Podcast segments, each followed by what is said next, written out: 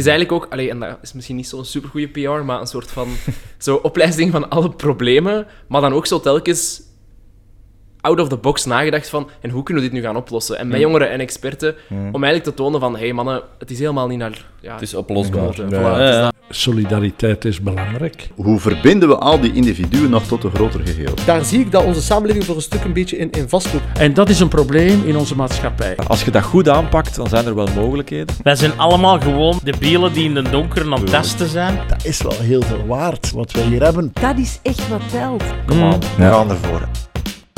Welkom bij een nieuwe aflevering van Discord met de Boys. We zitten hier vandaag met Julien de Wit, eh, Wit sorry, eh, columnist en voorzitter van de Vlaamse Vereniging van eh, Studenten. En zelf nog student. Zelf nog student. ja. Eh, dus eh, van alles wat, hè. Druk, druk bezig. Ah, en auteur. En auteur, ja, Ah, ja. ja, klopt Ja. inderdaad. Eh, als jullie dit horen, is het ondertussen al gebeurd. ja, Maar eh, het boek komt eh, volgende week. Het is nu al uit. het is nu al uit moment en het is de boekenvoorstelling volgende week. Ja, dat Ja, klopt. ja, dus Ja. drie weken terug. Eh alright, welkom. Eh, fijn dat je tijd hebt kunnen maken. Eh, Voordat we starten, ja. altijd eens even een chingetje. Ooit al Inderdaad. Jack Daniels honey gedronken? Met honey nooit. effectief? Nog nooit. Ah, Nee. voilà. Ooit al whiskydrinker? Eh, eigenlijk niet. Nee, Dan gaan ah, we wel. deze goed vinden. Ja, als je zoet leuk vindt, moet je eens proeven. Dat is heel eh, toegankelijk. Het ruikt wel goed ook. Hm. Het is goed. Dat is echt zoet, hè. Dus, eh, Maar ja, heel zoet, ja. voilà. Nee, goed. Ehm, zoals altijd kunnen we het over duizend en één dingen hebben. Maar Yes. misschien interessant, je hebt een boek geschreven genaamd eh, Generaties of Generaties. Ja. hè? Dat is goed voor de kijkers. Laten zien. En Gewoon, hè. eh, misschien gewoon beginnen bij het begin. Wat was de reden om een boek te schrijven te koer en waarom het onderwerp? Of Ah, wel? Sowieso ben ik wel iemand die altijd graag schrijft. Ik heb dat altijd al gedaan. Ik heb hiervoor ook geghostwrite. eh dus ik weet niet, dat schrijven was mij altijd wel eigen. Hm. En langs de andere kant zie je, als je zo opgroeit, ehm, hield ik altijd van die ja, dagboeken, logboeken bij, waarin ik zo schreef van, oh, een Deen heeft dat gezegd, dat is wel interessant, dat is er gebeurd, bababa, ik maak me Hm. zorgen daarover. En Wat ik me altijd vraag, Ja. lezen dat ooit terug? ja, Ja? dat heb ik dus voor dit boek gedaan. Ah. Omdat Ja, je ja. zo super ehm, bevangen door allemaal zo, ik weet niet, angsten ergens toch wel. Ik denk dat ik een vrij angstig kind was ook zo toen ik opgroeide. Dat is gewoon zo. Nee, maar ik bedoel, doe het nieuws open eh, en je ziet echt wel heel wat negatieve dingen. Eh, klimaatverandering, Oh ja. de economie gaat helemaal imploderen, weet ik wat. Zeg, Het land ook al 20 marcheert jaar. niet. Ja. Ah. Wel, maar dus heel, een heel negatief beeld of zo. Ja. Terwijl dat als ik dan met jongeren spreek, ja, want ik doe nogal veel in zo, ja, voor je verenigingen Mhm. en voor studenten en weet ik wat, dan zie je wel van, oké, er is daar wel een hele sterke generatie die ook wel gewoon heel wat hoop in zich draagt of zo. En het is eigenlijk een soort van positief pleidooi om ook zo van dat generatiedenken wat af te stappen. Mhm. Omdat in de maatschappij waar je vandaag leeft, heb je... Eh, onder je 25 telde niet echt mee. En dan boven je 65 zijn eigenlijk ook al afgeschreven. Ja. En dan vanaf dat je de 70 nadert, dan is het al helemaal eh om zeep, bij wijze van spreken. Terwijl ik eigenlijk denk van, goh, als ik dan met heel wat jongeren en experten heb gesproken voor, voor het boek, dan merk je wel van, au fond, diezelfde onzekerheden en, en bekommernissen en, en het feit dat je een, een mooie toekomst wilt, dat is wel iets gewoon dat ons allemaal tekent. En ja, dat opdelen in hokjes, dat brengt weinig zoden aan de dijk. Ja, dat is wel zo. En maar uiteindelijk, eh, ik heb heel toevallig nog gisteren of eergisteren nog iets gelezen, denk ik zo. En dan kwam er van elk jaar, vanaf 1950 tot nu, zo'n quote over uh, wat ze toen zeiden over, tussen aanhalingstekens, de jeugd. En zo zit je ook maar, ah, je kunt dat doortrekken naar uh, heel de toekomst en het verleden. Dat gaat altijd zijn, er is altijd commentaar. hè.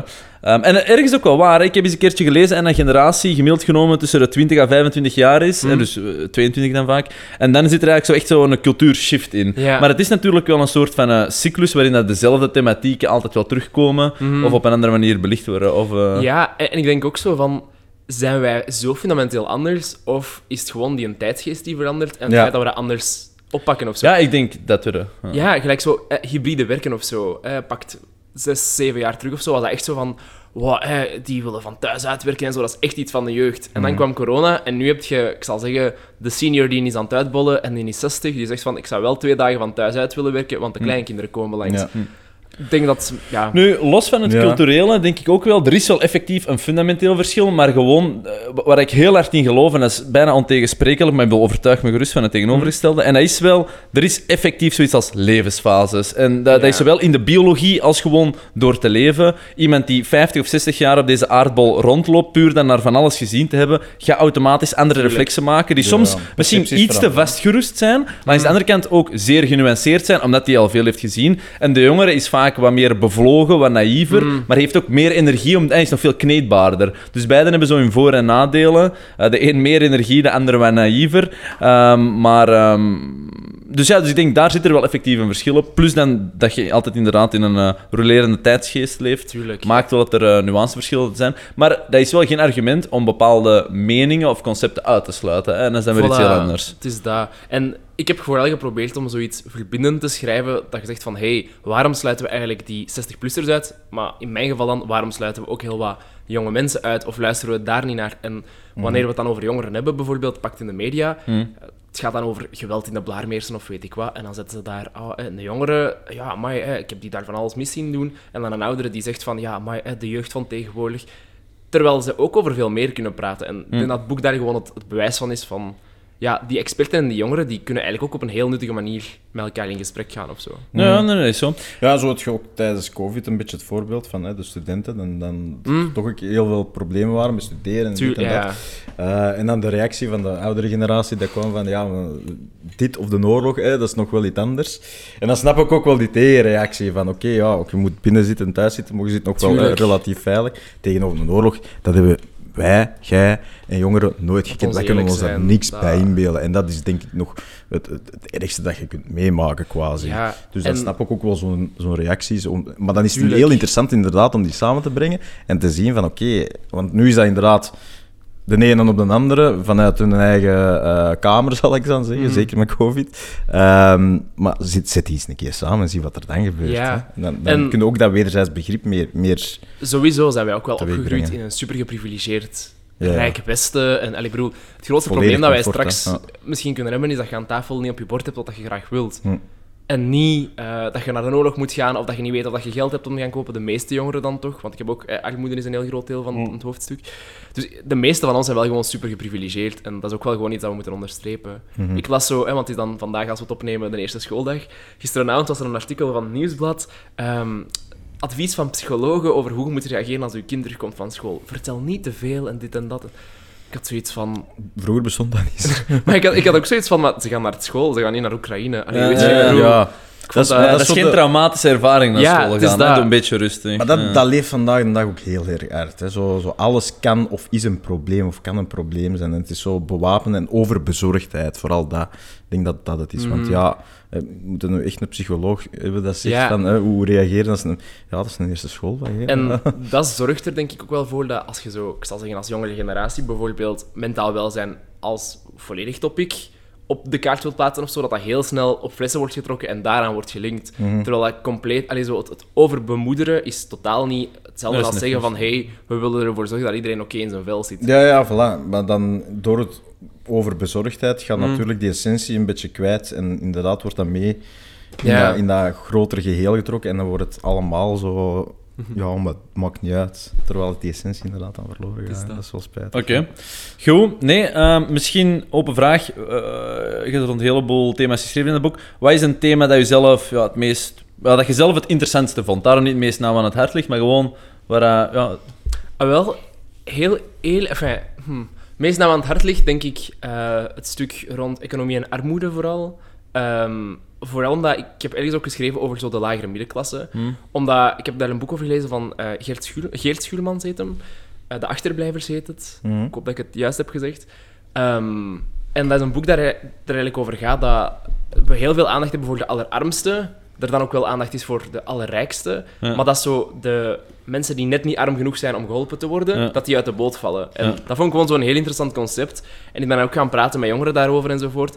Ja, en dan stuit je wel gewoon op, op verhalen en ook, ook, ook ja, ervaringen dat je denkt van... Poeh, er zijn echt wel heel wat jongeren die echt in heel lastige omstandigheden er Mhm. het beste van moeten maken en die dat ook gewoon doen. Dus hen wou ik ook gewoon een speciale aandacht geven. En dan, wat vond ik misschien het meest... ehm, dat ik niet had verwacht, dat was het hoofdstuk over cultuur. Omdat ik had zo zelf een beetje een, een vrij fixed mindset over cultuur. Ik wist er ook niet zo superveel van. En ehm, ik denk dat daar mijn ogen misschien wel iets meer zijn opengegaan over de waarde of zo van bepaalde culturele voorstellingen.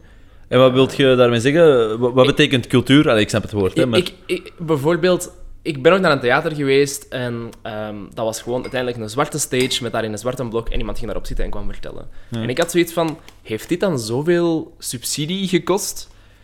En dan ga je met je jonge kunstenaars praten, en ook met wat oudere kunstenaars, en dan leggen die je uit hoe dat zij op bepaalde, naar bepaalde dingen kijken en hoe niet elk stukje cultuur voor iedereen iets moet betekenen, maar hoe dat, dat voor anderen heel veel kan betekenen.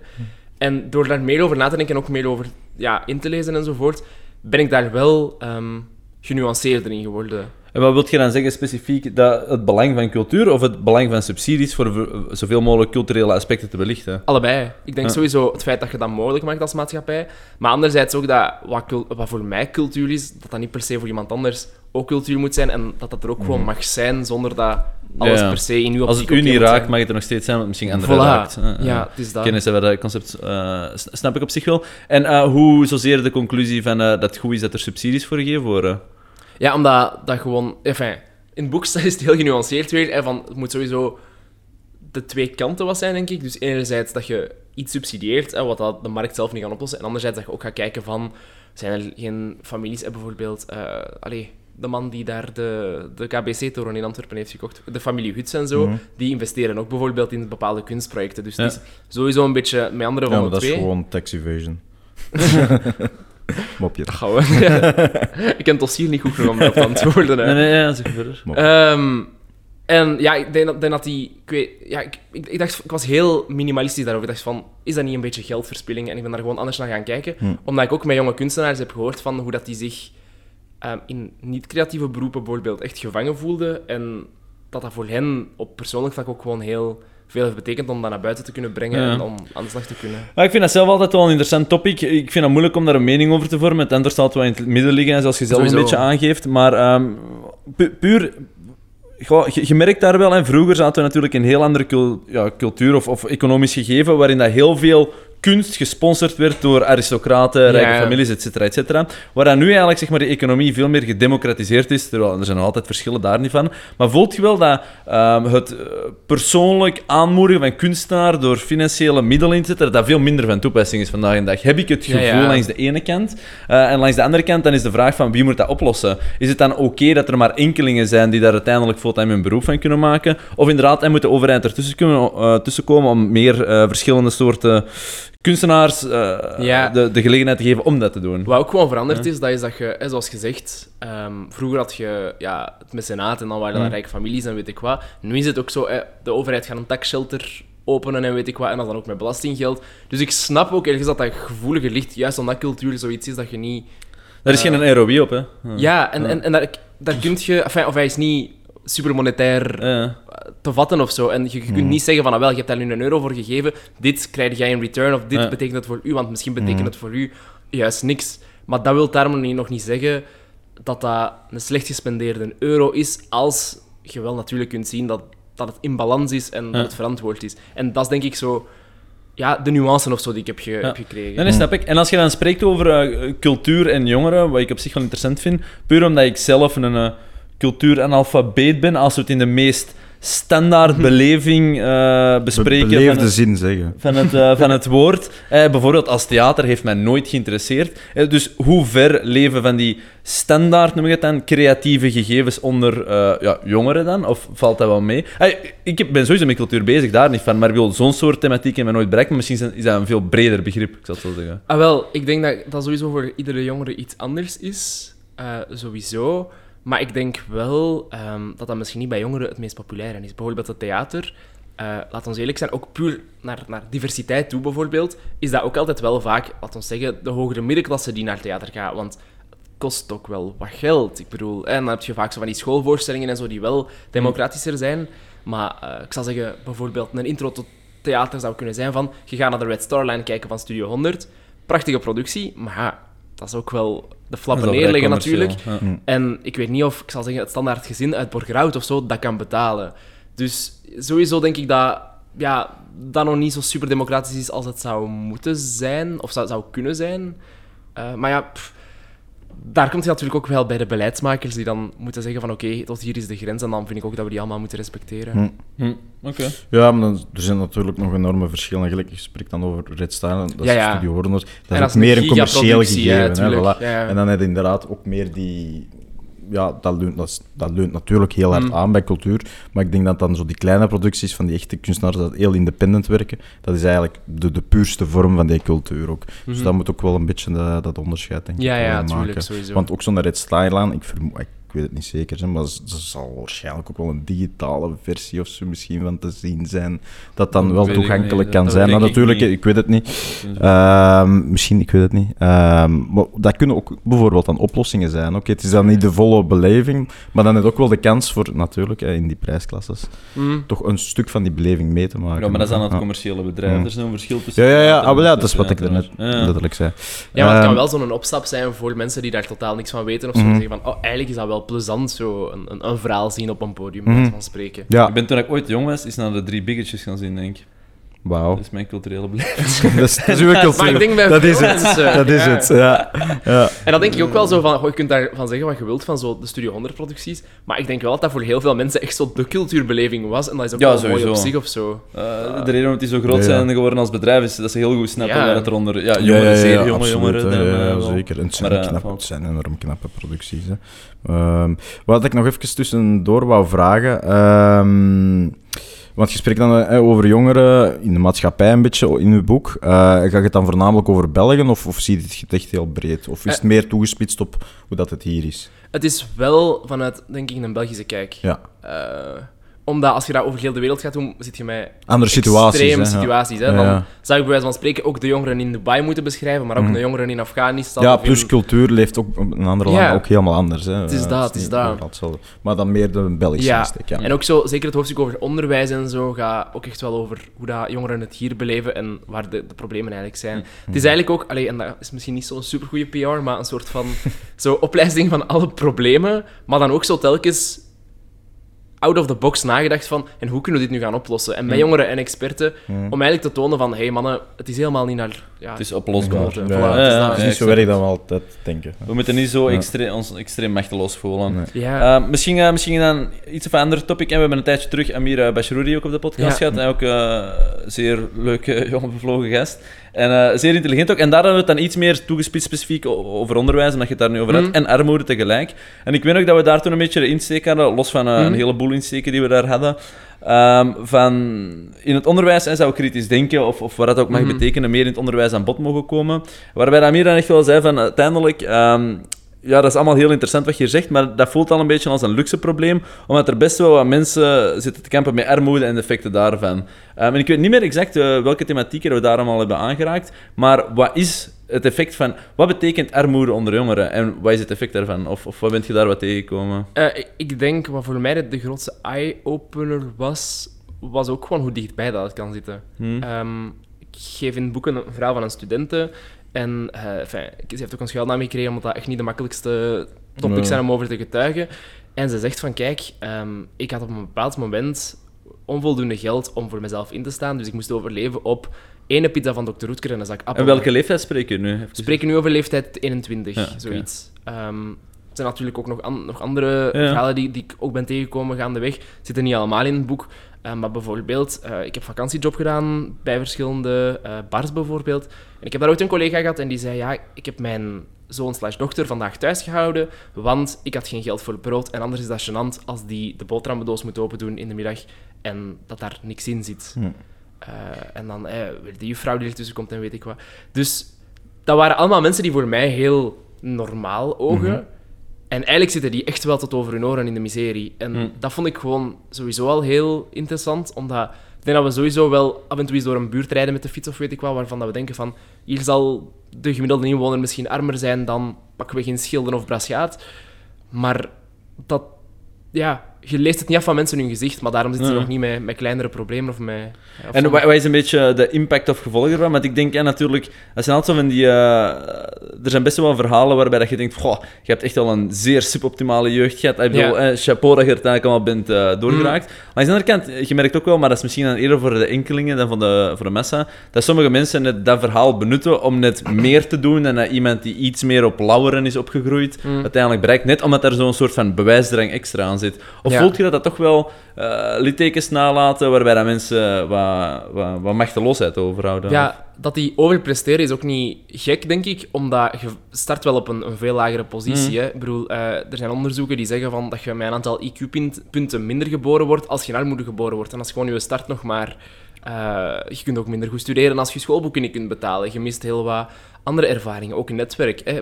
Je moet een stage zoeken. Wat doe jij meestal? Je zegt van, hey, vrienden, familie, kennen jullie iemand die een stagiair zoekt, bij wijze van spreken? Ja, als je dat allemaal niet hebt, dan moet je gewoon echt tien keer harder werken om gewoon nog maar dezelfde kans te krijgen als iemand anders. Dus dat lijkt mij ja, wel logisch dat dat gewoon littekens nalaat. Eh, en ja, ook gewoon... ehm, dat voelt als een zwakte, hè. Je, je, je, je voelt... Allee, als, en dan spreek ik niet vanuit eigen ervaring, maar vanuit Mhm. ervaring van die, die jongeren. Je voelt je minder dan de rest. En dat is wel gewoon een gevoel dat u wel voor altijd zal bijblijven, denk ik. Ja, Mhm. ja, ja, oké. Ja. Ja, wel, ik, ik- volledig akkoord. Hè. maar ik ga misschien iets controversiëler gaan. Dan ben je niet volledig Ehm, akkoord. hè. Maar ja. Jawel, jawel. Nee, ik wil gewoon ook een andere schijnwerper er misschien op plaatsen. En, en de perceptie proberen daar misschien een beetje op te wijzen. Want natuurlijk, hè, je start veel lager, maar als je iets bereikt, is de win ook veel hoger. Zeker naar zelfgevoel. Dus zonder eh, eh, erover uit te weten, die standaard moet sowieso hoger, hè, absoluut. Hè. Maar ze zouden dat eigenlijk echt ook moeten gewoon uitvergroten en belichten van oké, de situatie is nu zo, maar probeer dan op die manier daar een, een, een positivisme aan te hangen. Hè, van van oké, als je nu wel dat bereikt, ja, de, de zelfvoldoening gaat, gaat enorm zijn. Dan, hè. Tuurlijk, en ja. dat zijn inderdaad zo dat dingen dat je dan ja, een beetje een houvast moet dan, eh, aan, Ja. aan maken, denk ik. En sowieso moeten daar ook gewoon, denk ik, als samenleving in investeren, dat je die ook gewoon blijft motiveren. Ja, voilà, en voilà. bijvoorbeeld een keibelangrijke rol daarin, dat, Dat is een beetje hetzelfde. die Als het altijd negatief, negatief blijft, Ja. dan gaan ze ook negatief en dan gaan de, de slechte situaties ook Mhm. verleidelijker zijn. Terwijl als we dan een positieve schwung gaan geven, ook Ja. al blijft de situatie hetzelfde, Tuurlijk. dan is het uitgangspunt sowieso beter. Hè? Want Ja. ook de jongere die, zeg- eh, die moet zelf meewerken om in het huishouden eh, alles bij te houden enzovoort. Mhm. Moet ook geld in de la brengen en zo. Komt dan uiteindelijk te laat op school of weet ik wat. Of eh, heeft zijn huistaak niet gemaakt. Wat zeggen leerkrachten die daar soms niet de ruimte, de Besef tijd of weet ik wat, ja. besef van hebben. Die zeggen dan van, allee, het is weer een dine geweest. Ja, en je zit in een negatieve spiraal, terwijl we gewoon ervoor moeten zorgen dat, dat je die jongeren ook kunt blijven stimuleren.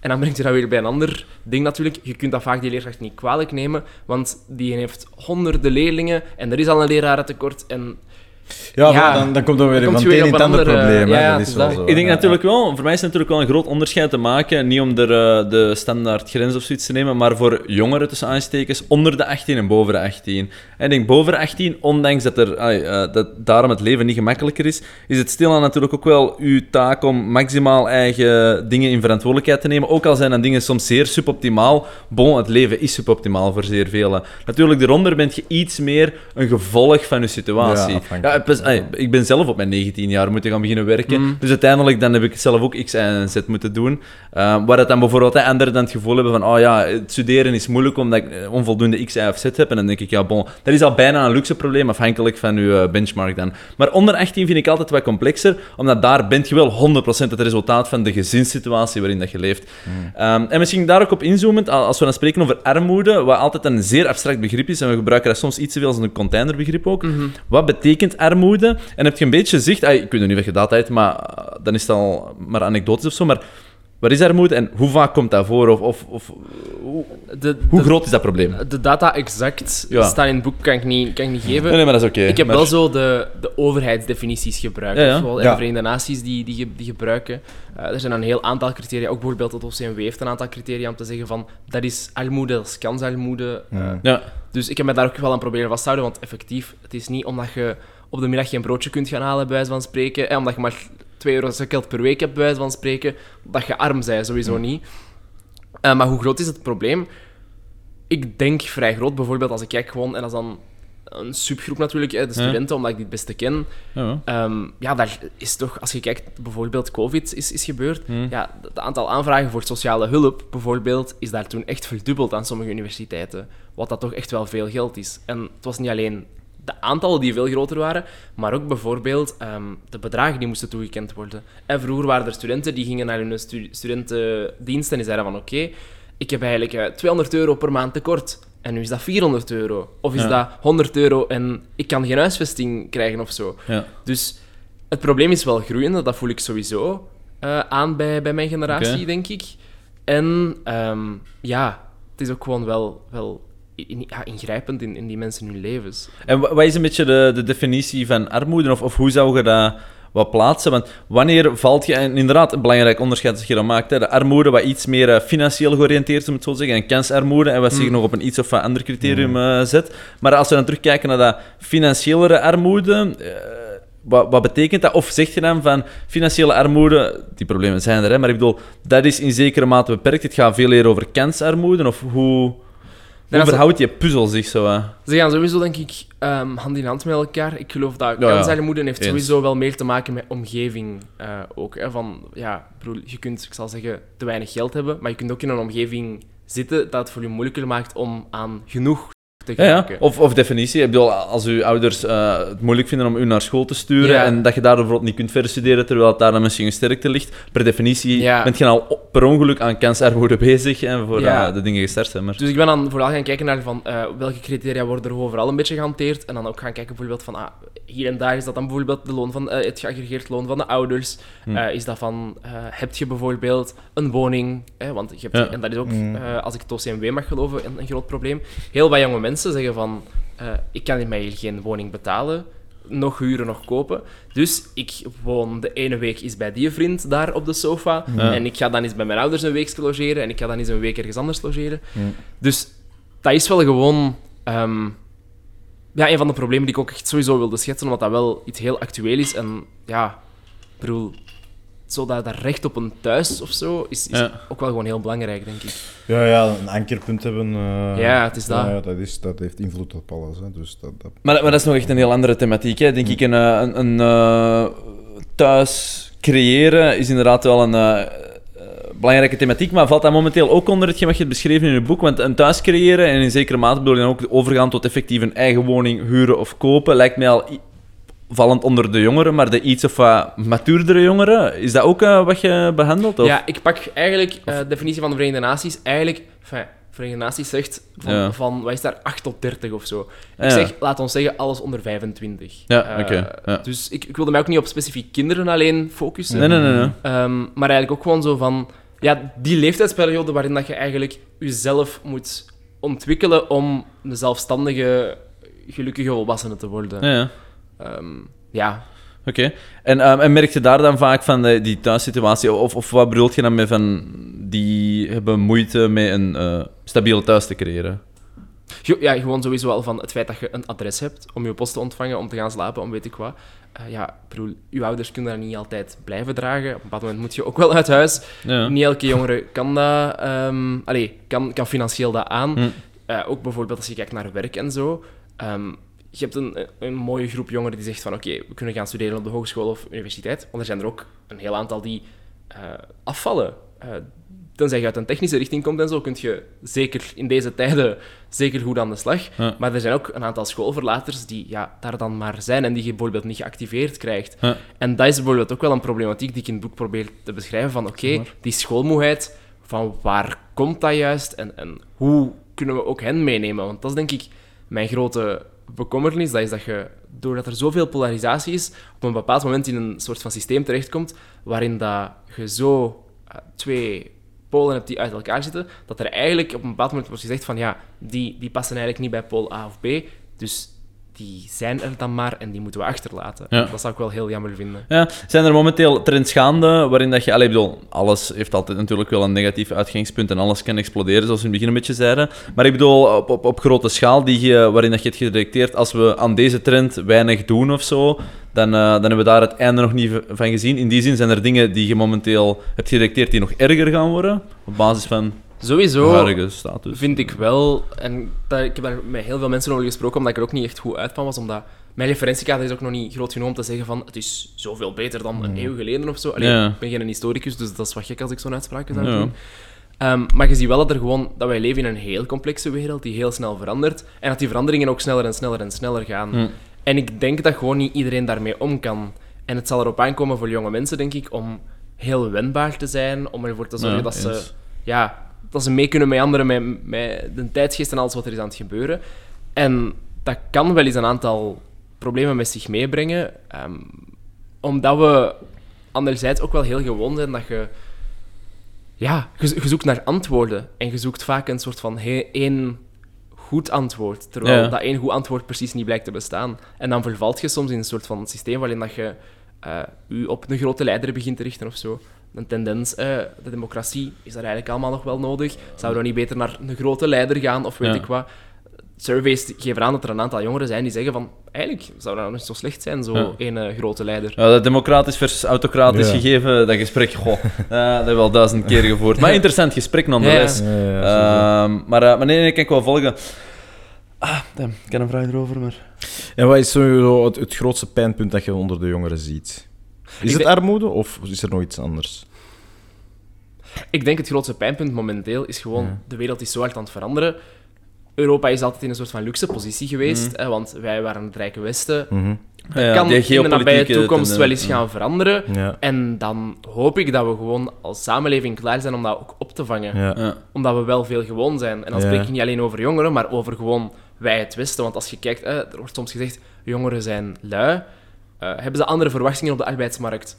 Ja, Ja. maar ik denk gewoon dat als je kijkt naar de volledige productiviteit van de Belgische bevolking bijvoorbeeld, dan is die de afgelopen, afgelopen jaren ook gedaald. Dus ik denk dat we gewoon allemaal met z'n allen heel veel gewoon zijn. En dat we ja, daarmee om moeten kunnen, stel dat dat in de toekomst zou veranderen. Mhm.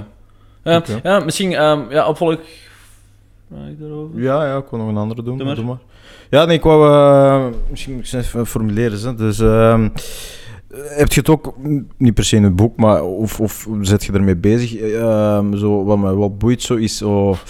Ja, ja, het Je is, moet het is- ja, ik moet het formuleren. Ehm, maar ik had even gewoon op tafel eh, de term het social maar. media en de verslaving ervan. En vooral ja, het, het consumerism dat er dan ook nog eens bij hoort. Ja, Is dat ook een problematiek dat je Sowieso. behandelt of ziet? Of, eh, ja? Eh, en ik merk ook, en dat is ook een van de rode draden, denk ik, door in een boek. Ik zou zeggen dat dat een van de grootste momenteel Ja. is. En eh, jong, jongeren leven ook, o- allee, leven ook vandaag in zo'n super kunstmatige wereld, Ja, die zo ja. perfect is vormgegeven door marketing, door sociale media en dergelijke meer.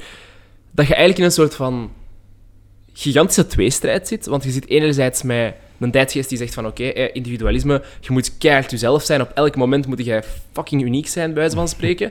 Ja, en langs de andere zelfs, kant. Ja, zit je gewoon op je Instagram constant te vergelijken met al die duizenden andere mensen. Ja. En wilt je eigenlijk zijn zoals die een andere. Dus je zit daar met zo'n tweestrijd van ja, ik wil kei uniek zijn, maar langs de andere kant toch ook zo uniek dat ik eigenlijk gewoon hetzelfde ben als iemand anders. En dat, ja, dat is heel ja. gek. Ja, en, en en qua problematiek naar verslaving en consumerism toe. Ik zie dat alleen maar groeien, precies. Ja, Dus het is, ey, de, de prikkels zijn precies wat te veel of zo. Ja, Ik ik het is denk- echt overal, hè. Het is altijd een overal, hè. ja. En vooral eh, die, het plakken aan het scherm kan ook gewoon, hè. Zelfs ook, dat is niet alleen jongeren, dat is ook oudere mensen, hè. Ja, die- Eh, zo over die aandachtspannen bijvoorbeeld is er ook al wel veel Ja. geschreven. Hè? Ja. Dat jongeren... eh, mentale luiheid, hè. daar zijn we Mm. allemaal een beetje eh Ja, aan en- schuldig en- aan. Gewoon Maar er is qua identiteitscrisis, denk ik ook gewoon. ehm, van inderdaad, wie of wat moet ik nu zijn? Wat wordt er verwacht van mij? Moet er iets verwacht worden van mij? Of ben ik Ja. zelf sterk genoeg om te zeggen: nee, dat moet niks verwacht worden van mij? Ik zal zelf wel zeggen wat het er. Eh, Maar daar langs de andere kant, ah, sorry dat ik misschien even uur heb onderbreek, maar gewoon even om mijn eigen mening ertussen te duwen. Maar eh, ik vind dat we daar ook echt veel te arrogant zijn. veel te arrogant zijn geworden, hè? want in zekere mate, alle vragen die je nu al stelt, wie moet ik zijn, wat moet ik zijn, dan denk ik altijd, dat is heel knap, dat is heel tof. Maar niet zo lang geleden, in België, moesten gewoon in mijnen werken. Hè? Dat is natuurlijk heel extreem, dat is weer een heel extreem Mhm. voorbeeld, en dat was ook niet iedereen. Maar in zekere mate, toen hadden we al die stoere vragen, misschien ook, maar op het eind van de dag zeiden we wel, ja bon, ik moet voort, ik ga dat maar doen. En dat is toch wel, daar Maar vind voilà, ik wel een zeer zijn hè? tendens hebben doorgemaakt, waar ik zelf ook schuldig aan ben. Hè. Ik bedoel, heel België is daar ondertussen schuldig aan. Waarin dat we toch wel, zoals je ook de straks zei, iets verwachten van onze arbeidsmarkt. Maar is dat zo terecht dat we dat verwachten? Of is dat een soort van verworven arrogantie waarin dat we per ongeluk geboren zijn en nu denken dat dat normaal is? Ik denk dat we soms ook wel ons verwachtingspatroon eens terug gaan mogen afbouwen, een beetje verantwoordelijkheid opnemen en niet zomaar direct roepen, ik voel mij nergens thuis, ik heb een identiteitscrisis, ik, weet mijn plaats niet, et cetera. Soms is uw plaats exact uw plaats niet weten, maar nog steeds gewoon doen. Ja, sowieso is, denk Dat is ik... weer wat harder dan. Ja, is maar zo'n identiteitsvorming is sowieso... Als je kijkt naar de maar piramide van Maslow bijvoorbeeld, dat is Mm. sowieso iets dat pas later komt. Dat is omdat je in een luxe positie zit. Ik Ja, bedoel, anders dat- denk je daar niet over na, effectief. Als je dat dagelijks in de, wijn moet, in de wijn moet merken... Maar in de, wijn, in de mijn moet werken... In de wijnen lijkt mij ook leuk. Kijk, maar- eh, Maar dat, dus komt, dat- dat komt allemaal terug met die, met die batterijen en zo. Dus, eh, Dat, allee, dan denk je daar niet over na. Maar langs de andere kant ja, zit je nu wel in die, die geprivilegeerde positie. Oh ja, en je wilt ook niet per se kwijt. Dus ik bedoel, je bent er nu ook geraakt. Dat is ook heel het doel van de maatschappij vooruit Hmm. te brengen. Dat je niet altijd moet zeggen, wat als het zo extreem is. Een hele definitie van samen tot één society te komen die vooruit gaat, is dat je soms sommige dingen kunt opnemen en zeggen, dat willen we niet meer. Dus ergens ook terecht dat we dan zeggen, we willen dat niet meer. Langs de andere kant moeten we zien dat we die terechtheid niet zomaar aan onze identiteit gaan linken, waarbij dat we zeggen, en nu moet het zo zijn. En dan verwachten dat de, eh, de wereld zich daar naar aanpast. En maar- denk je dat dat beter was? Dat je zo... Nee, Geen tijd al na te nee denken ik denk over? alleen dat... nee, maar nu is het te veel. Ja, Ik voilà. denk je dat- hebt een denk dat- klepel. dat- voilà. En- Hij, is, hij, is, hij, is, hij was daar en hij is volledig doorontslagen naar hier, maar eigenlijk moet hem gewoon hier hangen.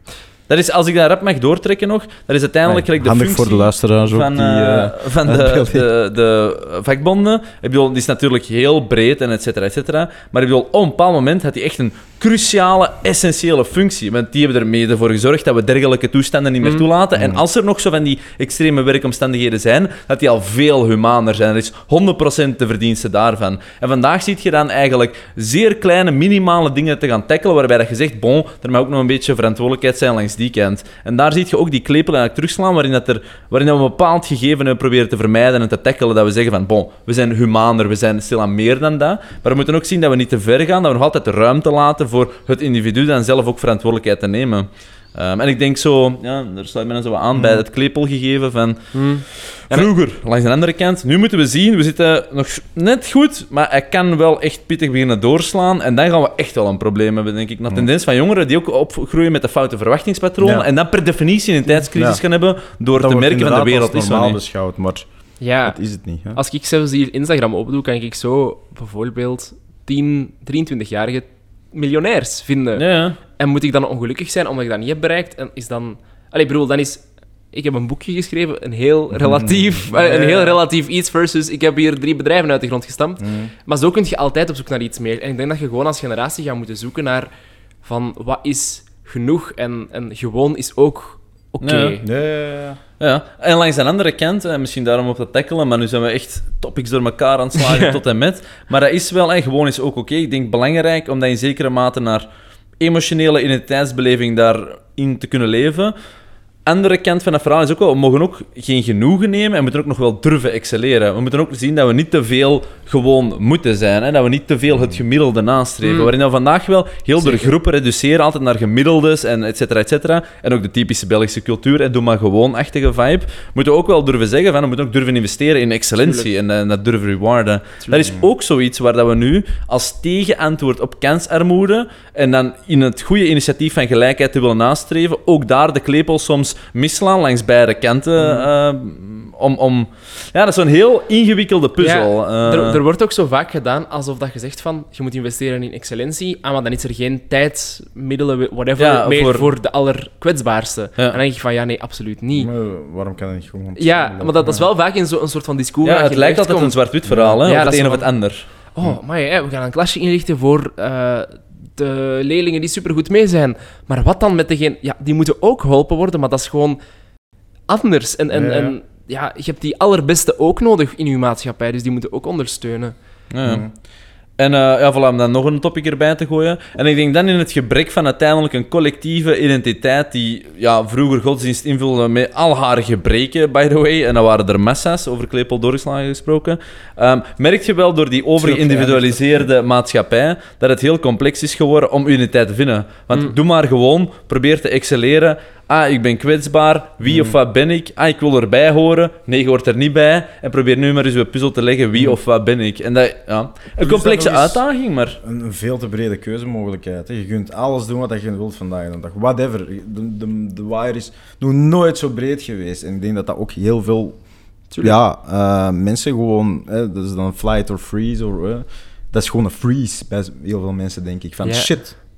En ik vraag, me ik vraag me dan soms af van, zijn wij dan nu alleen, om het dan wat te trekken, niet, zijn we ja? dan nu vrijer dan vroeger. Ja, ja. Ja, ja. Omdat je- Extreme vrijheid is minder vrij dan Mm. minder vrijheid. Hè? Is Mm. zo. Echte Ja, vrijheid bestaat in een Langs kader. de andere kant, als je denkt van eh, mijn grootvader, mijn vader, allemaal slager, en ik word slager, die mensen zijn denk ik heel gelukkig. Dat pad ligt gewoon klaar en dit en dat. En het is Ja, dat is een ook kwestie een van simplification. bewandelen en kunnen nog hè, excelleren. Oké, doen een tweede en derde slager whatever. Maar dan is dat zo beslist of whatever. En als je je er goed bij voelt, dan voel je er goed bij. Ja, En nu is dat zo van, oké, maar het is niet omdat een slager ding is dat ik slager moet zijn. Ik kan whatever, alles doen. Of Ja. mensen die niet die voorhistorie hebben, dat er geen slagers waren. En dat, dat- ik En ook- vind, denk gewoon, ja, dat het dat gewoon enorm moeilijk maakt. En ook, je zij, ook, je zij uniek, dus je zij 100% verantwoordelijk voor je succes, Mhm. hè, bravo. Maar je bent ook 100% verantwoordelijk voor je tegenslag. Ja. Mhm. En dat is Ja. ook zo, ja, Ja, ja, ja, dat, dat, geeft iets heel mooi ergens, maar langs de andere kant ook iets heel, ja, iets heel... Mhm. Langs de andere kant, onze maatschappij is er vandaag wel op geënt om dat laatste stuk toch ook wel deels te capteren. Hè? Dat is Want waar. ik bedoel, als je 100 of 200 jaar geleden, niet per se historicus gesproken, maar Hmm. faalde, dan, Ja, ja. dan was dat echt wel... Ja, dit kan leven of dood zijn, versus Tuurlijk. vandaag faalt je wel in een bepaald kader. Tuurlijk. Natuurlijk, voor je identiteitsbeleving is dat wel exact hetzelfde gebleven. Dat is niet veranderd. Maar, en eh, kijk bijvoorbeeld nu al naar eh, de Verenigde Staten of zo. Mm. Ja, Ja, dat, dat is ook veel minder... Allee, ik bedoel, als je daar als bedrijf failliet gaat, bedankt dat je het geprobeerd hebt, maar je moet Ja. ook niet Mm. verwachten dat je sociale zekerheid en zo, alles... komt En in Japan is het nog erger, want daar heb je nog de cultuurbeleving, waarin dat als je faalt, dat je uiteindelijk eigenlijk inderdaad die schaamte letterlijk Mm. eh, met het leven wilt bekopen. Dus En in kan- China doen ze het nog harder. Dat ze zelfs als je over. Ik denk dat China was. Dat ze als ze zo overtreding, kleine overtreding, bijvoorbeeld Dat een is rood dat is licht. En dan kleed, ja, Ja, dat is social shaming. Maar dat is nog anders. Dat is nog iets anders. Ja, ja. dat op het individu iets probeert Oh, dat te is social shaming. Ja, maar, eh, Ja. Ja, maar wat, ik vind dat een super... Welk topic zijn we aan het bespreken? nee, maar bon, we gaan Nee, de Ik vind dat wel sowieso interessant. Zo, eh, bijvoorbeeld in Japan, bijvoorbeeld. Eh, ik had daar eens iets gelezen van de spoorbaas die ontslag had genomen, want een trein was, was daar 15 seconden te laat gekomen of zo. Allee, eh, dat was het grote drama. En hij was niet ontslagen geweest, maar hij had Ja, ja. zelf zijn ont... En dan denk ik van... Dat is Hoe mooi. stoer, hè? ja, ik vind dat mooi. Ja, Ja. ik vind dat ook. En ergens ook zo van... Ik weet niet, die zijn nog wel bezig met zoiets collectief of zo. Van, ik werk in een bedrijf Ja, en... Ik ben onderdeel van een machine, maar ik ben Ja. een belangrijke... eh, En, en ik heb met mijn werk de machine eigenlijk geen, geen, geen plezier gedaan, om het zo te zeggen. Ja. Dus ik moet daar ook credit voor nemen. Tegenover nu denk ik dat we wel heel veel... eh, Bijvoorbeeld als we gaan werken of zo, dat veel mensen dat zien van, ja, ik in het bedrijf, maar zo het bedrijf als groep mensen, de maatschappij als samenleving of zo, Ja. dat is iets waar dat we denk ik soms te weinig aandacht voor hebben, of waar we te weinig respect ook voor hebben, op wat de meriten Ja, dat zijn. sluit ook een beetje aan met van eh, mensen hebben vandaag en dag heel veel rechten, maar weinig plichten. Of zo is het gevoel dan toch. Dat sluit er een beetje bij aan, denk ik. Mm. En dat is ook een beetje de klepel dat een beetje verder, te Maar- ver doorslaagt, denk ik. Maar, of bedoel Ja, ik wou juist zeggen, maak je laatste gedachte nog eens een klein beetje af, want je wilt het... eh, Hoe dat ik het begreep, is dat misschien het voorbeeld dat je net gaf van een treinconducteur, dat dat iets te extreem was en dat we nu in Ja. een ander extreem zitten, of... of dat we, doordat we zo individualistisch zijn, soms Ja. te weinig stilstaan bij wat het betekent om tot een groep te behoren. Onderdeel te zijn van Onderdeel iets. te zijn van een maatschappij, onderdeel te zijn van een bedrijf, onderdeel te zijn van een universiteit of een klasgroep. Dat die groep ook gewoon superbelangrijk is voor onze Mhm. ontwikkeling. En dat we eigenlijk doen van, ja nee, ik ben hier hè, de unieke, Ja, ja, ja. het unieke individu. Mhm. Dat is ook ergens voor een deel kwatsch. Want ja, dat is belangrijk dat je jezelf vindt enzovoort. Maar het is minstens Mhm. zo belangrijk om die identiteitsvorming in een groep te doen. En Mhm. daar zetten we gewoon totaal niet meer op in. Ja, en daar, nee, maar 100%. hè. Ik denk daar heeft eh, individualisme volledig de klepel doen Ja, doorslaan. ja. Hè, waarin dat we allemaal onszelf, eigenlijk heliocentrisme in een tijd, denken dat wij het centrum zijn van het bestaan, waar dat dan toch tegenvalt. En blijkbaar denkt iedereen dat en zijn we het dan blijkbaar toch niet. Optie. Ehm, maar, maar inderdaad, hè, natuurlijk in die cultuur, waarin dat je dan veel minder handvaten hebt en een aantal uitdagingen, heb je als individu ja, gewoon veel uitdagingen, om opnieuw hetzelfde woord te gebruiken. Terwijl dat uiteindelijk een luxe is waarin dat je leeft, maar emotioneel ervaart je dat zo totaal niet. Ehm, en daar misschien, en terugkoppelend naar uw boek dan, van, heb je daar ook ehm, tendensen in gedirecteerd, dus los dan van de maatschappij moet zien dat ze een aantal dingen of zaken beter organiseert om ervoor te zorgen dat we een hele groep mee hebben, ook waarin dat de, de jongeren, als we mogen categoriseren, zichzelf ook misschien wat anders moet organiseren, of, of valt dat mee? Eh, snap je? Ja, ik, ik denk sowieso, bijvoorbeeld... ehm, Oh, we zijn precies kritisch voor de jongeren, terwijl we het zelf zijn, maar bon, ja. Eh, Ja, sowieso. Allee, je, moet, je moet je sowieso altijd aanpassen. En dat is denk ik voor iedereen. En dat omgaan met die onzekerheid, jezelf wendbaar ehm, maken, is ook wel gewoon een verantwoordelijkheid die denk ik bij jongeren zelf ligt. Bijvoorbeeld als je kijkt naar onderwijs. Hm? ja, het idee van ik studeer hier nu vandaag mijn studie en ik ben tot het einde der dagen master in de internationale betrekkingen, Mhm. bijvoorbeeld.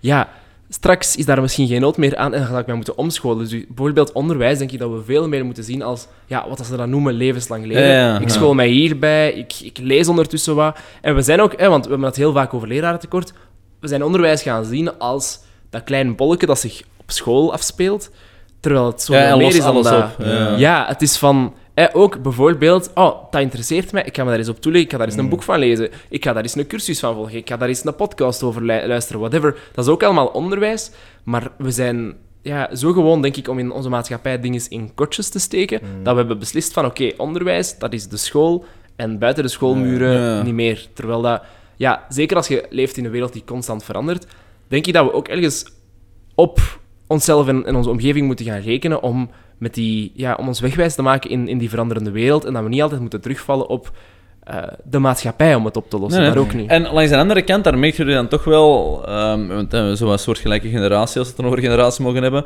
maar waarin dat de, ja, het internet, als je het zo mag noemen, toch ook echt wel wat, wat ehm, eh, die soort persoonlijkheidsterken heeft kunnen eh, bevredigen. Dan. Een vreemde samenstelling van de zin. Maar ik wil maar spreken over bijvoorbeeld YouTube en de, alle how-to's. Je ziet ook wel dat er een zeer grote beweging is uiteindelijk aan... Als ik vandaag een interesse heb of ik vraag mij iets af, ik kan mij ook per direct verdiepen. Waar dat vroeger wel Ja. uiteindelijk onderwijs en studiezaken, et cetera, veel meer geclusterd waren binnen bepaalde entiteiten. En dat je eigenlijk letterlijk geen toegang hebt tot die informatie. Kun je vandaag ook wakker worden. Ik ben geïnteresseerd in X. Ik zoek het op Tuurlijk. en ik ga erin verder. Zonder dat dat uiteindelijk afhankelijk al van de interesse, maar te veel kost met zich moet meebrengen. Zeker voor die initiële Tuurlijk. interesse te gaan ontplooien. En dat is eigenlijk wel een luxe die we misschien soms wat meer 100%. moeten durven capteren. Allee, bijvoorbeeld, heel simpel voorbeeld. Ehm, ja, ik leer sowieso graag van alles wat bij. En je hebt zo ehm, Coursera, dat is een website, Ja, ja, en je kunt daar heel wat cursussen op volgen. Ja, doet jij u zo'n cursus en dat kost je minder dan een inschrijvingsgeld van Tunif, maar Ja, je hebt daar wel elke maand dat je een cursus kunt afronden of zo. Dus, Mm. bedoel, de ervaring dat je daarop doet is ook weer supergoed. En dat zijn dan professoren uit de Verenigde Staten en uit Toronto. ja, en, je hebt echt eh, toegang tot de zotste profielen eigenlijk voor een, ja, een voilà. fractie van de kost van eh x aantal jaar geleden. Ja. Hè? Maar Hetzelfde met IT en dingen. En dan moeten zelfs geen cursus verkopen. Of website building. Dat kun je, als je een internetverbinding hebt, kun je met YouTube perfect van A tot Z alles coderen en dingen en alles doen. Dus ik snap het wel van de school is minder sexy, maar is ook minder belangrijk of zo. Ik weet het niet, ja. Minder belangrijk, dat is natuurlijk een hard statement dat, dat je maakt, hè, maar... Ik vind dat wel interessant je of kunt zo. sneller breder gaan. Ja, als je en, wilt. en, Maar vandaag de dag is het ook nog wel zo, hè, mijn papiertje, hens diploma, komt er verder, maar ik, ik geloof erin, en dat zie je ook al een beetje gebeuren, dat dat er over de komende tiental jaren nog harder gaat eigenlijk van minder belang zijn. Behalve voor bepaalde jobs, hè, gelijk advocaten en, Ja, maar, ja, en dingen. Maar ehm, Ik Vooral ben- die start is belangrijk, maar 10, 15 jaar later, mensen caren niet meer te veel om je diploma, tenzij dat je inderdaad zo in die zeer specifieke ja, beroepen ja. zit. Ik denk sowieso wel, als we dan over de school hebben, twee dingen. Eén, sowieso heb je wel een soort van kennisbasis nodig. Dus daarvoor denk ik dat altijd wel ja, belangrijk het gaat leren, zijn. leren en de basis. Maar ja, dat, noemt ja. secundair onderwijs, hè? Ja, ja, Ja, exact. Eh, en dan daarnaast denk ik dat gewoon de school, of een unie of een hogeschool, of weet ik wat, dat is ook wel een soort van mini-samenleving waarin dat je als jongere kunt experimenteren. Dus ik denk, ehm, ga je, richting die, eh, de, het diploma dat je vandaag hebt, bepaalt dat direct wat je gaat doen op de arbeidsmarkt. Dat denk ik niet. Laat Mm. staan over 20 jaar. Maar ik denk wel sowieso dat het wel echt belangrijk is voor je vorming als persoon. Dat denk ik echt wel. Dat dat Ja, ja. Maar dat, dat kan ik wel volgen. Ja, dat is kwam- dure vorming. Ja. Ah, niet in België, dat valt goed mee. Ja, Allee, ja, België- afhankelijk ja, wie dat betaalt. ja, Eh, privé, klopt. individuen, ça Als je va. dan naar overheid, Amerika en zo gaat, kijk, dat is te belachelijk, vind ik. Ja, ja. En daar moet je ook echt dat nadenken is van, heel dure vorming. is het dat waard Voilà. of zo? Allee, bedoel... Exact. Dan kun je ook... In Amerika is het dat ook wel waard als je goed bent, want de verdiensten zijn daar ook wel zeer Ja, ja. anders dan in Europa. Dus Hmm. ander model. Ja, maar als, als het over Maar ik vind zeker goed dat je dat vorming gaat, democratiseert, Dan is hè. het een heel duur, duur sociaal Ja, vorming, ja, dat is waar. Langs de andere kant, die sociale vorming is ook wel veel meer waard. Want Ja, daar houden dat we wel alumni, ook op- wat wij in België proberen, is niks waard. 100%. Versus dat in Amerika Maar dat gaat ook op andere manieren kunnen creëren. Weliswaar moet het hele systeem dan een beetje omgooien, maar dat gaat Maar ik wou misschien heel even wegstappen van onderwijs. Tenzij, Ja, eh, sure, Ja. sure, oké. Ehm, je begon eigenlijk eh, ook in- eh, over zelf ang- angstige jongeren of zo. maar dat, hoort je zeker wel. En misschien zijn daar een aantal interessante clichés. Maar er is inderdaad wel zoiets als een bepaalde angstcultuur of angstbelevenis. Of, of een dystopie en kijken naar de toekomst Ja. gegeven. Heb je daar ook een aantal zaken in teruggevonden gevonden qua trends bij jongeren? Van hoe hoopvol, hè, ook omdat je dat woord er straks in de mond nam, kijken we naar de toekomst? En daar bepaalde... Ja, ik denk gewoon dat... Een van de conclusies in het boek is ook van... Waarom zijn we altijd zo heel negatief als we het verhaal naar jongeren toe ook brengen? Eh, en dan bedoel ik niet enkel het nieuws dat enkel de disaster breng- Ja. brengt, want dat is ook Mm. deels hun taak om te vertellen wat er gebeurt in de wereld. Mm. Eh, daar mag hier en daar wel meer nuance zijn, maar kom. Ja, ja. Maar ik denk ook van, als je constant tegen een jongere zegt van... Dat onderwijs, dat is hier toch eigenlijk ferm naar de genoeg. Eh, dat klimaat, ja, dat komt eigenlijk nooit goed. Ja, op den duur discouraged je de mensen Ja. ook. Hè. Houd je die tegen om eigenlijk nog de zin te zien van waar ze eigenlijk Mhm. mee bezig zijn en waar ze zich voor willen inzetten. Mm. Dus dat is denk ik ook gewoon heel belangrijk, dat je dat, je dat countert. En ook af en toe zegt van, hé, hey, er zijn problemen, maar jij, ik geloof dat jij die kunt aanpakken. Eh, en ik geloof dat het hard werken zal worden, maar we gaan er wel geraken als samenleving. En dat is gewoon een, een narratief dat ik, dat ik veel mis. Ja. En dan heb je inderdaad... het is veel te pessimistisch. Dat is. Het is Maar aan veel de te andere kant, jongeren rebelleren graag, dus je hebt dan wel een heel iets positiefs gegeven om tegen te rebelleren, want te rebelleren tegen iets negatiefs creëert iets positiefs. Maar dat was sarcasme. Hè. Maar verder. Ja, dat, dat was het. Ja, nee, ehm, ik, vind het wel interessant. Uiteindelijk, ehm, hoe wordt er een beetje naar de wereld gekeken? Ik, ik weet niet of dat we vandaag per se een negatiever eh, mensbeeld of toekomstbeeld meegeven dan vroeger. Ik denk zo, de wereld gaat vergaan, niet zo dramatisch, maar achtige cultuur bij ouders die zo kijken naar de wereld. Volgens mij is dat ook al wel iets dat, dat eigenlijk altijd heeft bestaan, achtig. Omdat ik per definitie ook denk dat de mens een zeer negatief wezen is. Niet omdat wij negatief willen zijn, maar gewoon onze natuur is daar een beetje op georiënteerd. En je ziet de gevaren en niet alles wat loopt. Ehm, maar, eh, maar merk je daar ook dan bijvoorbeeld dat inderdaad effectief jongeren zeg maar discouraged om bepaalde acties te ondernemen, omdat ze zo'n soort van machteloosheidsgevoel hebben van ja, I'm already fucked, zeg maar. Ehm, het is toch te laat. Of valt dat dan wel mee? Slagen mensen er wel in om in de tijd toch te draaien en te zeggen van bon, ik laat het me niet doen doordat dat de consensus is? God, een ene wel, een andere niet. Ja, ja, wel. ja, ja, ja. Ja, ik denk... Nee, ik heb mezelf naar die vraag en een antwoord toegewerkt. Ja, sowieso. Zoals gezegd, de ene wel, de andere niet. Maar ik denk gewoon dat de schade die dat narratief geeft bij de mensen die dan zich toch laten ontmoedigen of zo, dat die wel echt gewoon heel groot is en dat we Mm. daar misschien niet altijd voldoende aandacht voor hebben. Mm, mm. Mm. Eh, Weer again eigenlijk, dan dat, dat meest kwetsbare gaan eigenlijk daar het meeste aan tillen dan. Maar per Ja. definitie of zijn anders soort Ja, dat is ook het grappige. Hè? We proberen altijd een oplossing te zoeken dat voor iedereen van toepassing is, maar dat bestaat niet. Hè? Alles is altijd tailor-made. Gelijk, de ene gaat veel uithalen als hij een jaar, twee jaar gaat reizen als hij jong is.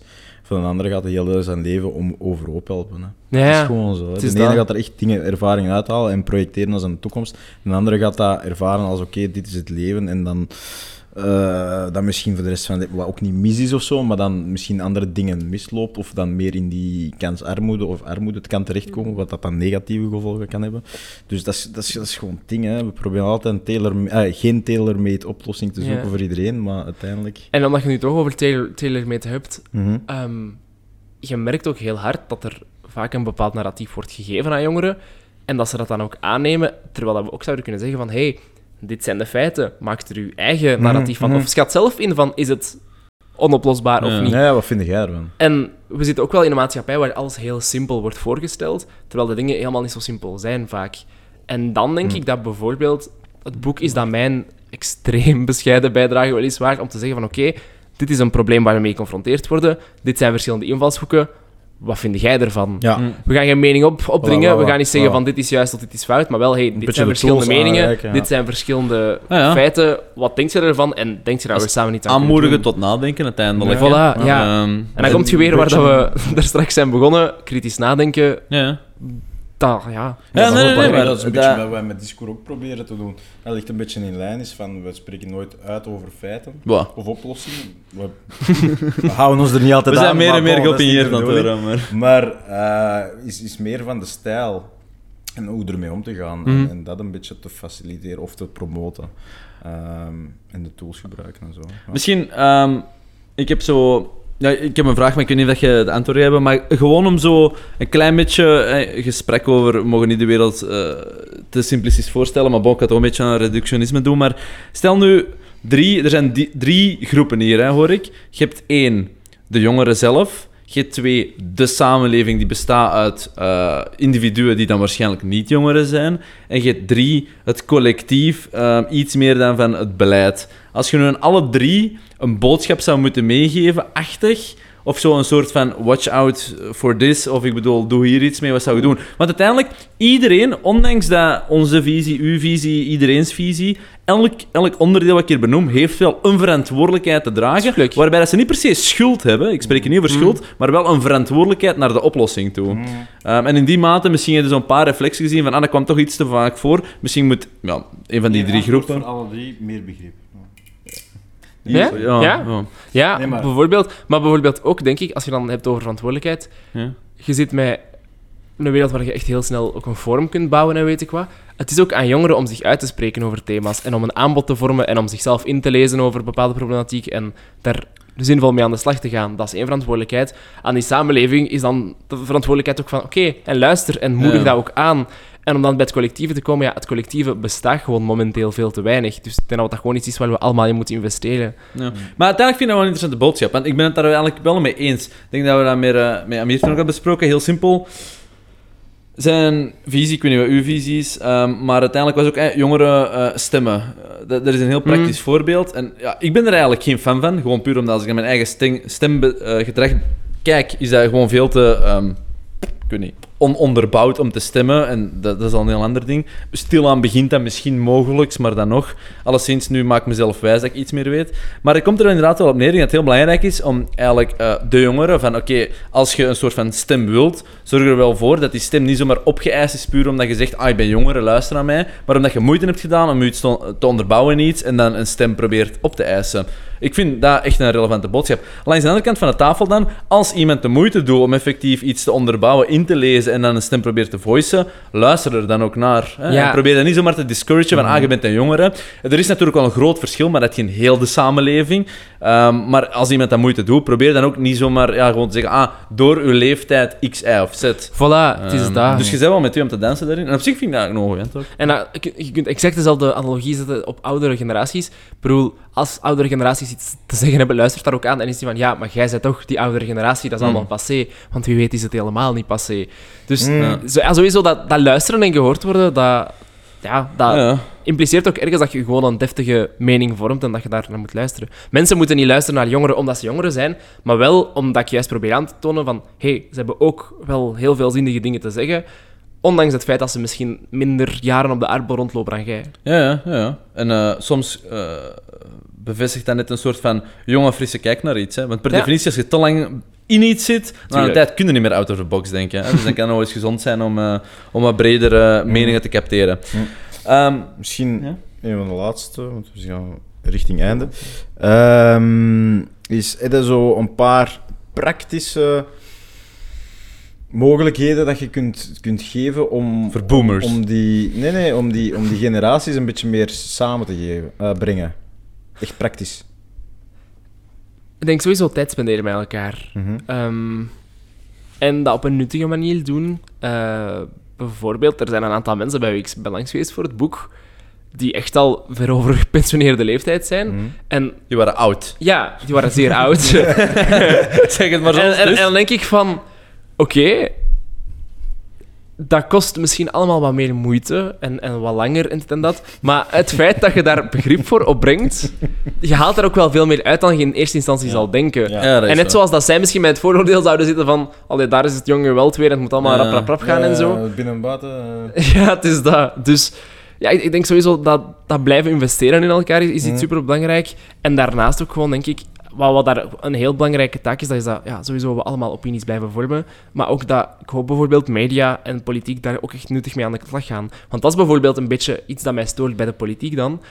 Die zeggen heel vaak van, oké, we willen beleidsvoorstel A erdoor duwen. We zullen eens even kijken wie zijn de stakeholders. Ah, de ouderenraad, de jeugdraad en eh, een of andere bedrijfsorganisatie. Hup. En dan hebben die allemaal gehoord, maar hebben dan ook echt geluisterd en zijn daarmee aan de slag gegaan. Ja, ja, ja, er verschil tussen horen en luisteren. Ja, 100%. Nee, Dan hebben zij elkaar gehoord. Ja, het is dat, het is dat. Ja. Maar, dat is, dat is- maar, dat- maar luisteren is een super complex gegeven. Hè? Mm. Allee, ik denk dat we in heel onze podcast proberen ervoor te pleiten, maar hoe vaak slagen we er zelf in? 20% van de tijd. En dan zijn we goed We op we gang. hebben net ons eerste hoofdstuk geschreven. eh, Dan denk ik ook weer van... Oké, het is ook weer goed, een goede reminder voor mezelf. Hè, van een paar dingen. eh Mm. Je schrijft ze neer en zo zou het ideaal zijn. Mm. Maar tijdens het schrijven weten van... Ah ja, ik zou het eigenlijk meer zelf moeten toepassen ook. eh. Misschien, eh, je, hebt, je hebt er juist even uh, teruggrijpend naar mijn vraag daar met die groepen. Een goed antwoord geven, denk ik, van samenleving en individu daar. Maar eh, naar beleid heb je daar... Ah ja, maar je hebt juist gezegd, luisteren. En doorvoeren. Ja. Ja, en ook gewoon van... Maar, praktisch, maar er, er ook zoiets van, oké, als we dat nu doen, lossen we echt al, eh, Pareto-wise, een groot deel van de problemen op met eigenlijk minimal effort. Waar zijn, is er een quick win in het beleid? Ja, zwijgt gewoon als je weet dat je het niet kunt waarmaken. Allee, ik bedoel, dat, dat is heel simpel, maar ik bedoel... Shut the fuck up! Ja, maar belooft geen duizend dingen Ja. die je Hmm. toch niet waar kunt maken. Of stuur ook geen halve waarheden. De, Ja, de, de- dus, ja. Ja, maar daar zijn we inderdaad van het... Ja, een En- algemene leider misschien. nee, maar inderdaad, maar dat is het spel. Hè. Als de ene het doet, moeten ze het allemaal doen. Ja, ja. En dan zou er een soort van verbod moeten worden opgelegd. Maar wie gaat dat verbod opleggen? Is dat dan hè, de- het volk dat dat verbod Ja. gaat opleggen? En dan zitten we weer met die dingen. Ja. Misschien, eh, ik vind dat wel een interessante vraag, laatste om zo wat af te ronden dan, maar ehm, puur, eh, het niet 100% gerelateerd aan het boek, maar het zegt al iets, teruggrijpend naar een vraag die we nog niet hebben beantwoord, maar ehm, vind jij dat, jongeren, dat we het stemrecht voor jongeren moeten, voor een stemgerechtigde, sorry, eigenlijk moeten de leeftijd van een stemgerechtigde maar, moeten verlagen of verhogen? Ik vind dat een kei Of een hybride systeem. ehm, stemrecht, maar geen stemplicht. En tot een bepaalde leeftijd kan ook allemaal. Ja, ik denk sowieso Ja, stem... Kijk, het breedte vraag. Ja, ja maar Ik ben- maar zwart-wit. Ik ben sowieso wel nogal fan van stemplicht, omdat je dan gedwongen wordt om na te denken. Ik was daar vroeger geen fan van, maar hoe meer doorheen de podcast Ah, wel. ben ik het er eigenlijk eens mee geworden. Ik vind dat dus niet. Ja, Oké. eh, ik, misschien is het goed dat het is, ik weet het niet. Ehm, maar wat dat je zegt is van. Je wordt gedwongen om erover na te denken. Wel, dat is een Vind goede ik- reden, dat vind hè? ik, Nee, maar ik vind niet dat dat het geval is. Ja, maar je hebt nog wel Ah. om de zoveel tijd een soort van... Weet je, je krijgt van de maatschappij ongelooflijk veel. Het enige Mhm. wat je moet doen, is daar af en toe op een knopje gaan duwen om de Ja, zoveel jaar. Akkoord, Dan denk hè. ik van... Ja, maar je zou We het niet zo mogen bekijken als een knopje duwen. Nou, voilà. En veel mensen ja. zien het inderdaad als een moment Ja. van een knopje duwen. En, En dat is hens- ja, nog proberen te hens- zeggen. De, filosofie niet erachter is soms wel gedwongen om na te gereduceerd. denken. Maar het is wel een uitnodiging om te zeggen van... hey, denk er eens over na waar je... Maar dat kun Nee, je ja, oplossen dat is met waar. stem, stemplichtrecht. Ja, nee, dat is niet waar. Want dan gaan de extremen meer stemmen, want die voelen zich meer emotioneel geëngageerd. Of hebben het gevoel, ik heb een mening, dus daarom is het de waarheid. Ja, maar dat zijn dan ik de denk dat je mensen net die dan ook meer de mening hebben, nuance gaat kwijtspelen. De mensen die denken, ik heb niet echt een mening, die eigenlijk Ja, daardoor meer genuanceerd zijn en niet gaan stemmen. Je zou het eigenlijk moeten testen. Maar dat was mijn vraag ook niet. Puur naar jongeren toe of naar leeftijd. Vind je dat, ja, puur omdat ik nu weet dat, volgens mij is het er ook wel eens doorgekomen, hè, dat je vanaf Ja. nu 16 jaar eh, Ja. kunt Ja, ja. stemmen. Wat is uw mening daarover? Ook in, in functie van eigenlijk alles wat je hebt ge- gecapteerd eh, van kennis in een boek hebt kunnen schrijven, En zou je het daarmee eens zijn? Als, als beleid. Jij moet morgen beleid maken, zou je het toestaan? Ik snap dat je een arbitraire grens trekt. Dat is mijn eerste ding. En ik, ga- ik wil er niet omheen fietsen, maar ik vind het sowieso een super moeilijke vraag. Als je, het, als je ja zegt, doe dat niet zoals het momenteel is, namelijk dat je zo 10.000 registratiestappen moet doen en dan Ja. mocht... Allee, bedoel, dan doe het beter gewoon ineens. En dan denk ik ook van... Ja, mag er dan... Allee, dat is dan ook ineens recht en dan ook maar een heel bepaald dingetje. Dus ik heb zoiets van... Ofwel gaat het minimaal, namelijk niks, ofwel gaat het maximaal, namelijk alles. Ehm, maar ik weet niet of de stem van, een, van elke 16-jarige veel nuttiger... Allee, veel... ehm, gefundeerder is dan die van elke 18-jarige. Dus vandaar zou ik Nee, zeggen... maar ik vind beide eigenlijk al slecht. Ik zou, al, ik zou optrekken. leeftijd, ik zou 21 of zelfs nog verder durven gaan. Puur omdat je voelt hoe... Ja. Er zijn maar enkelingen die voor die leeftijd daar echt goed hebben over nagedacht. Ja, dat is eerder uitzondering dan de regel. want als je het optrekt, komt het ook weer in het gevaar van discriminatie, vind ik. Ja, ja, maar pas op, hier komt er weer. Ik vind wel dat als je jonger bent en je wilt dat recht toe-eigenen, dat je er een aantal stappen tot onderneemt om dan toegang te krijgen tot, vind ik een geweldig model. Ja, Ehm, en vanaf een bepaalde leeftijd krijg je toegewezen, ook al gaat niet iedereen, het is niet omdat je per definitie een bepaalde... Wat mij heel hard is opgevallen, ehm, is dat er geen correlatie, of toch zeer beperkt is, tussen eh, leeftijd en maturiteit. Hè? Dus het is niet omdat je een bepaalde leeftijd bereikt, dat je daarom per se een bepaalde maturiteit bereikt. ja. Maar het is wel zo, op je 25, 30, 35, 40 waarschijnlijk, kijk je zeer anders naar de wereld, puur door gewoon zo lang op deze aardbol rond te lopen, dan als je die jaren niet hebt doorgemaakt. Dus dat is eigenlijk heel, heel het dat, dat Julien denk ik ook geeft, om te luisteren ook naar de jongeren. En als we het, hoe meer dat we het gaan optrekken, hoe minder dat dan Ja, ook en... die, die stem aan bod komt, ook in de, in de verkiezingen en in het beleid dan. Ja.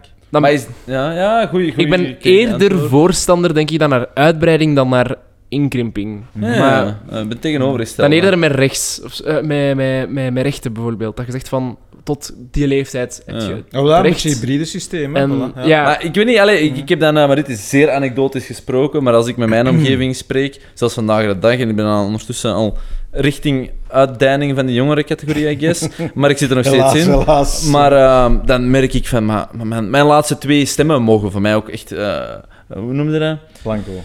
Nee, mogen gewoon beschouwen als eh, gewoon deed er niet toe. De, de, de fundering waarop dat ik stem, niks waard, niks. En ik kan echt spreken voor 99% van mijn omgeving dan. En dan denk ik van, ja, bon, misschien moet dat optrekken. Want nu ben ik er per ongeluk veel meer aanraking mee gekomen. En je merkt dat als je ouder wordt, op de een of andere manier gaat je daar toch meer mee bezig zijn. Je kunt er zeer moeilijk rond. Denk En dat gaat wel iets meer op voor... Het grote, je hebt sowieso een, aandeel dat inderdaad bewust gaat onderzoek doen en, die, en bewust zijn keuze maakt.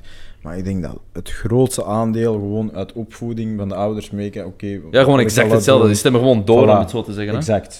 Ik denk Ja. dat dat nog steeds echt En, het ja, grote merendeel en ik ken ook een aantal 60-jarige vrouwen, die ik niet bij naam ga noemen, die ook zeggen van, wij hebben gestemd op de knapste. En dan denk ik van, dat zijn dan 60 voor. Oh, maar ik Ja, heb ja, juist ja, ja, gezegd, ja, ja, leeftijd en maturiteit is ja. verbonden. Nee, nee, nee. Ik zeg alleen maar, die correlatie wordt wel iets kleiner naarmate dat je een bepaalde leeftijd dat, bereikt. ja, wel, die 60 Maar je moet werken in generaliseringen, hè, dat is wel met dat dat de knapste stemmen, dat gaat niet het grote merendeel zijn. Dat is ook nog, daar is ook nog een discrepantie tussen. Ik zou liever hebben dat er mensen zijn die zeggen van, oké, ik weet totaal geen idee, maar ik, kan, eh, ik heb totaal geen idee en ik, ik, ik stem bij wijze van spreken dom, om het zo te zeggen. Dan dat je zou zeggen van, er is iemand die een heel gefundeerde mening heeft en je mag die ontnemen de, de mogelijkheid om te gaan stemmen. Ja, maar, ja, oké, maar dat heb ik licht getackeld met te zeggen, je kunt stemrecht toe-eigenen, maar stem... Ja, ja. Bon. Ik denk dat we het...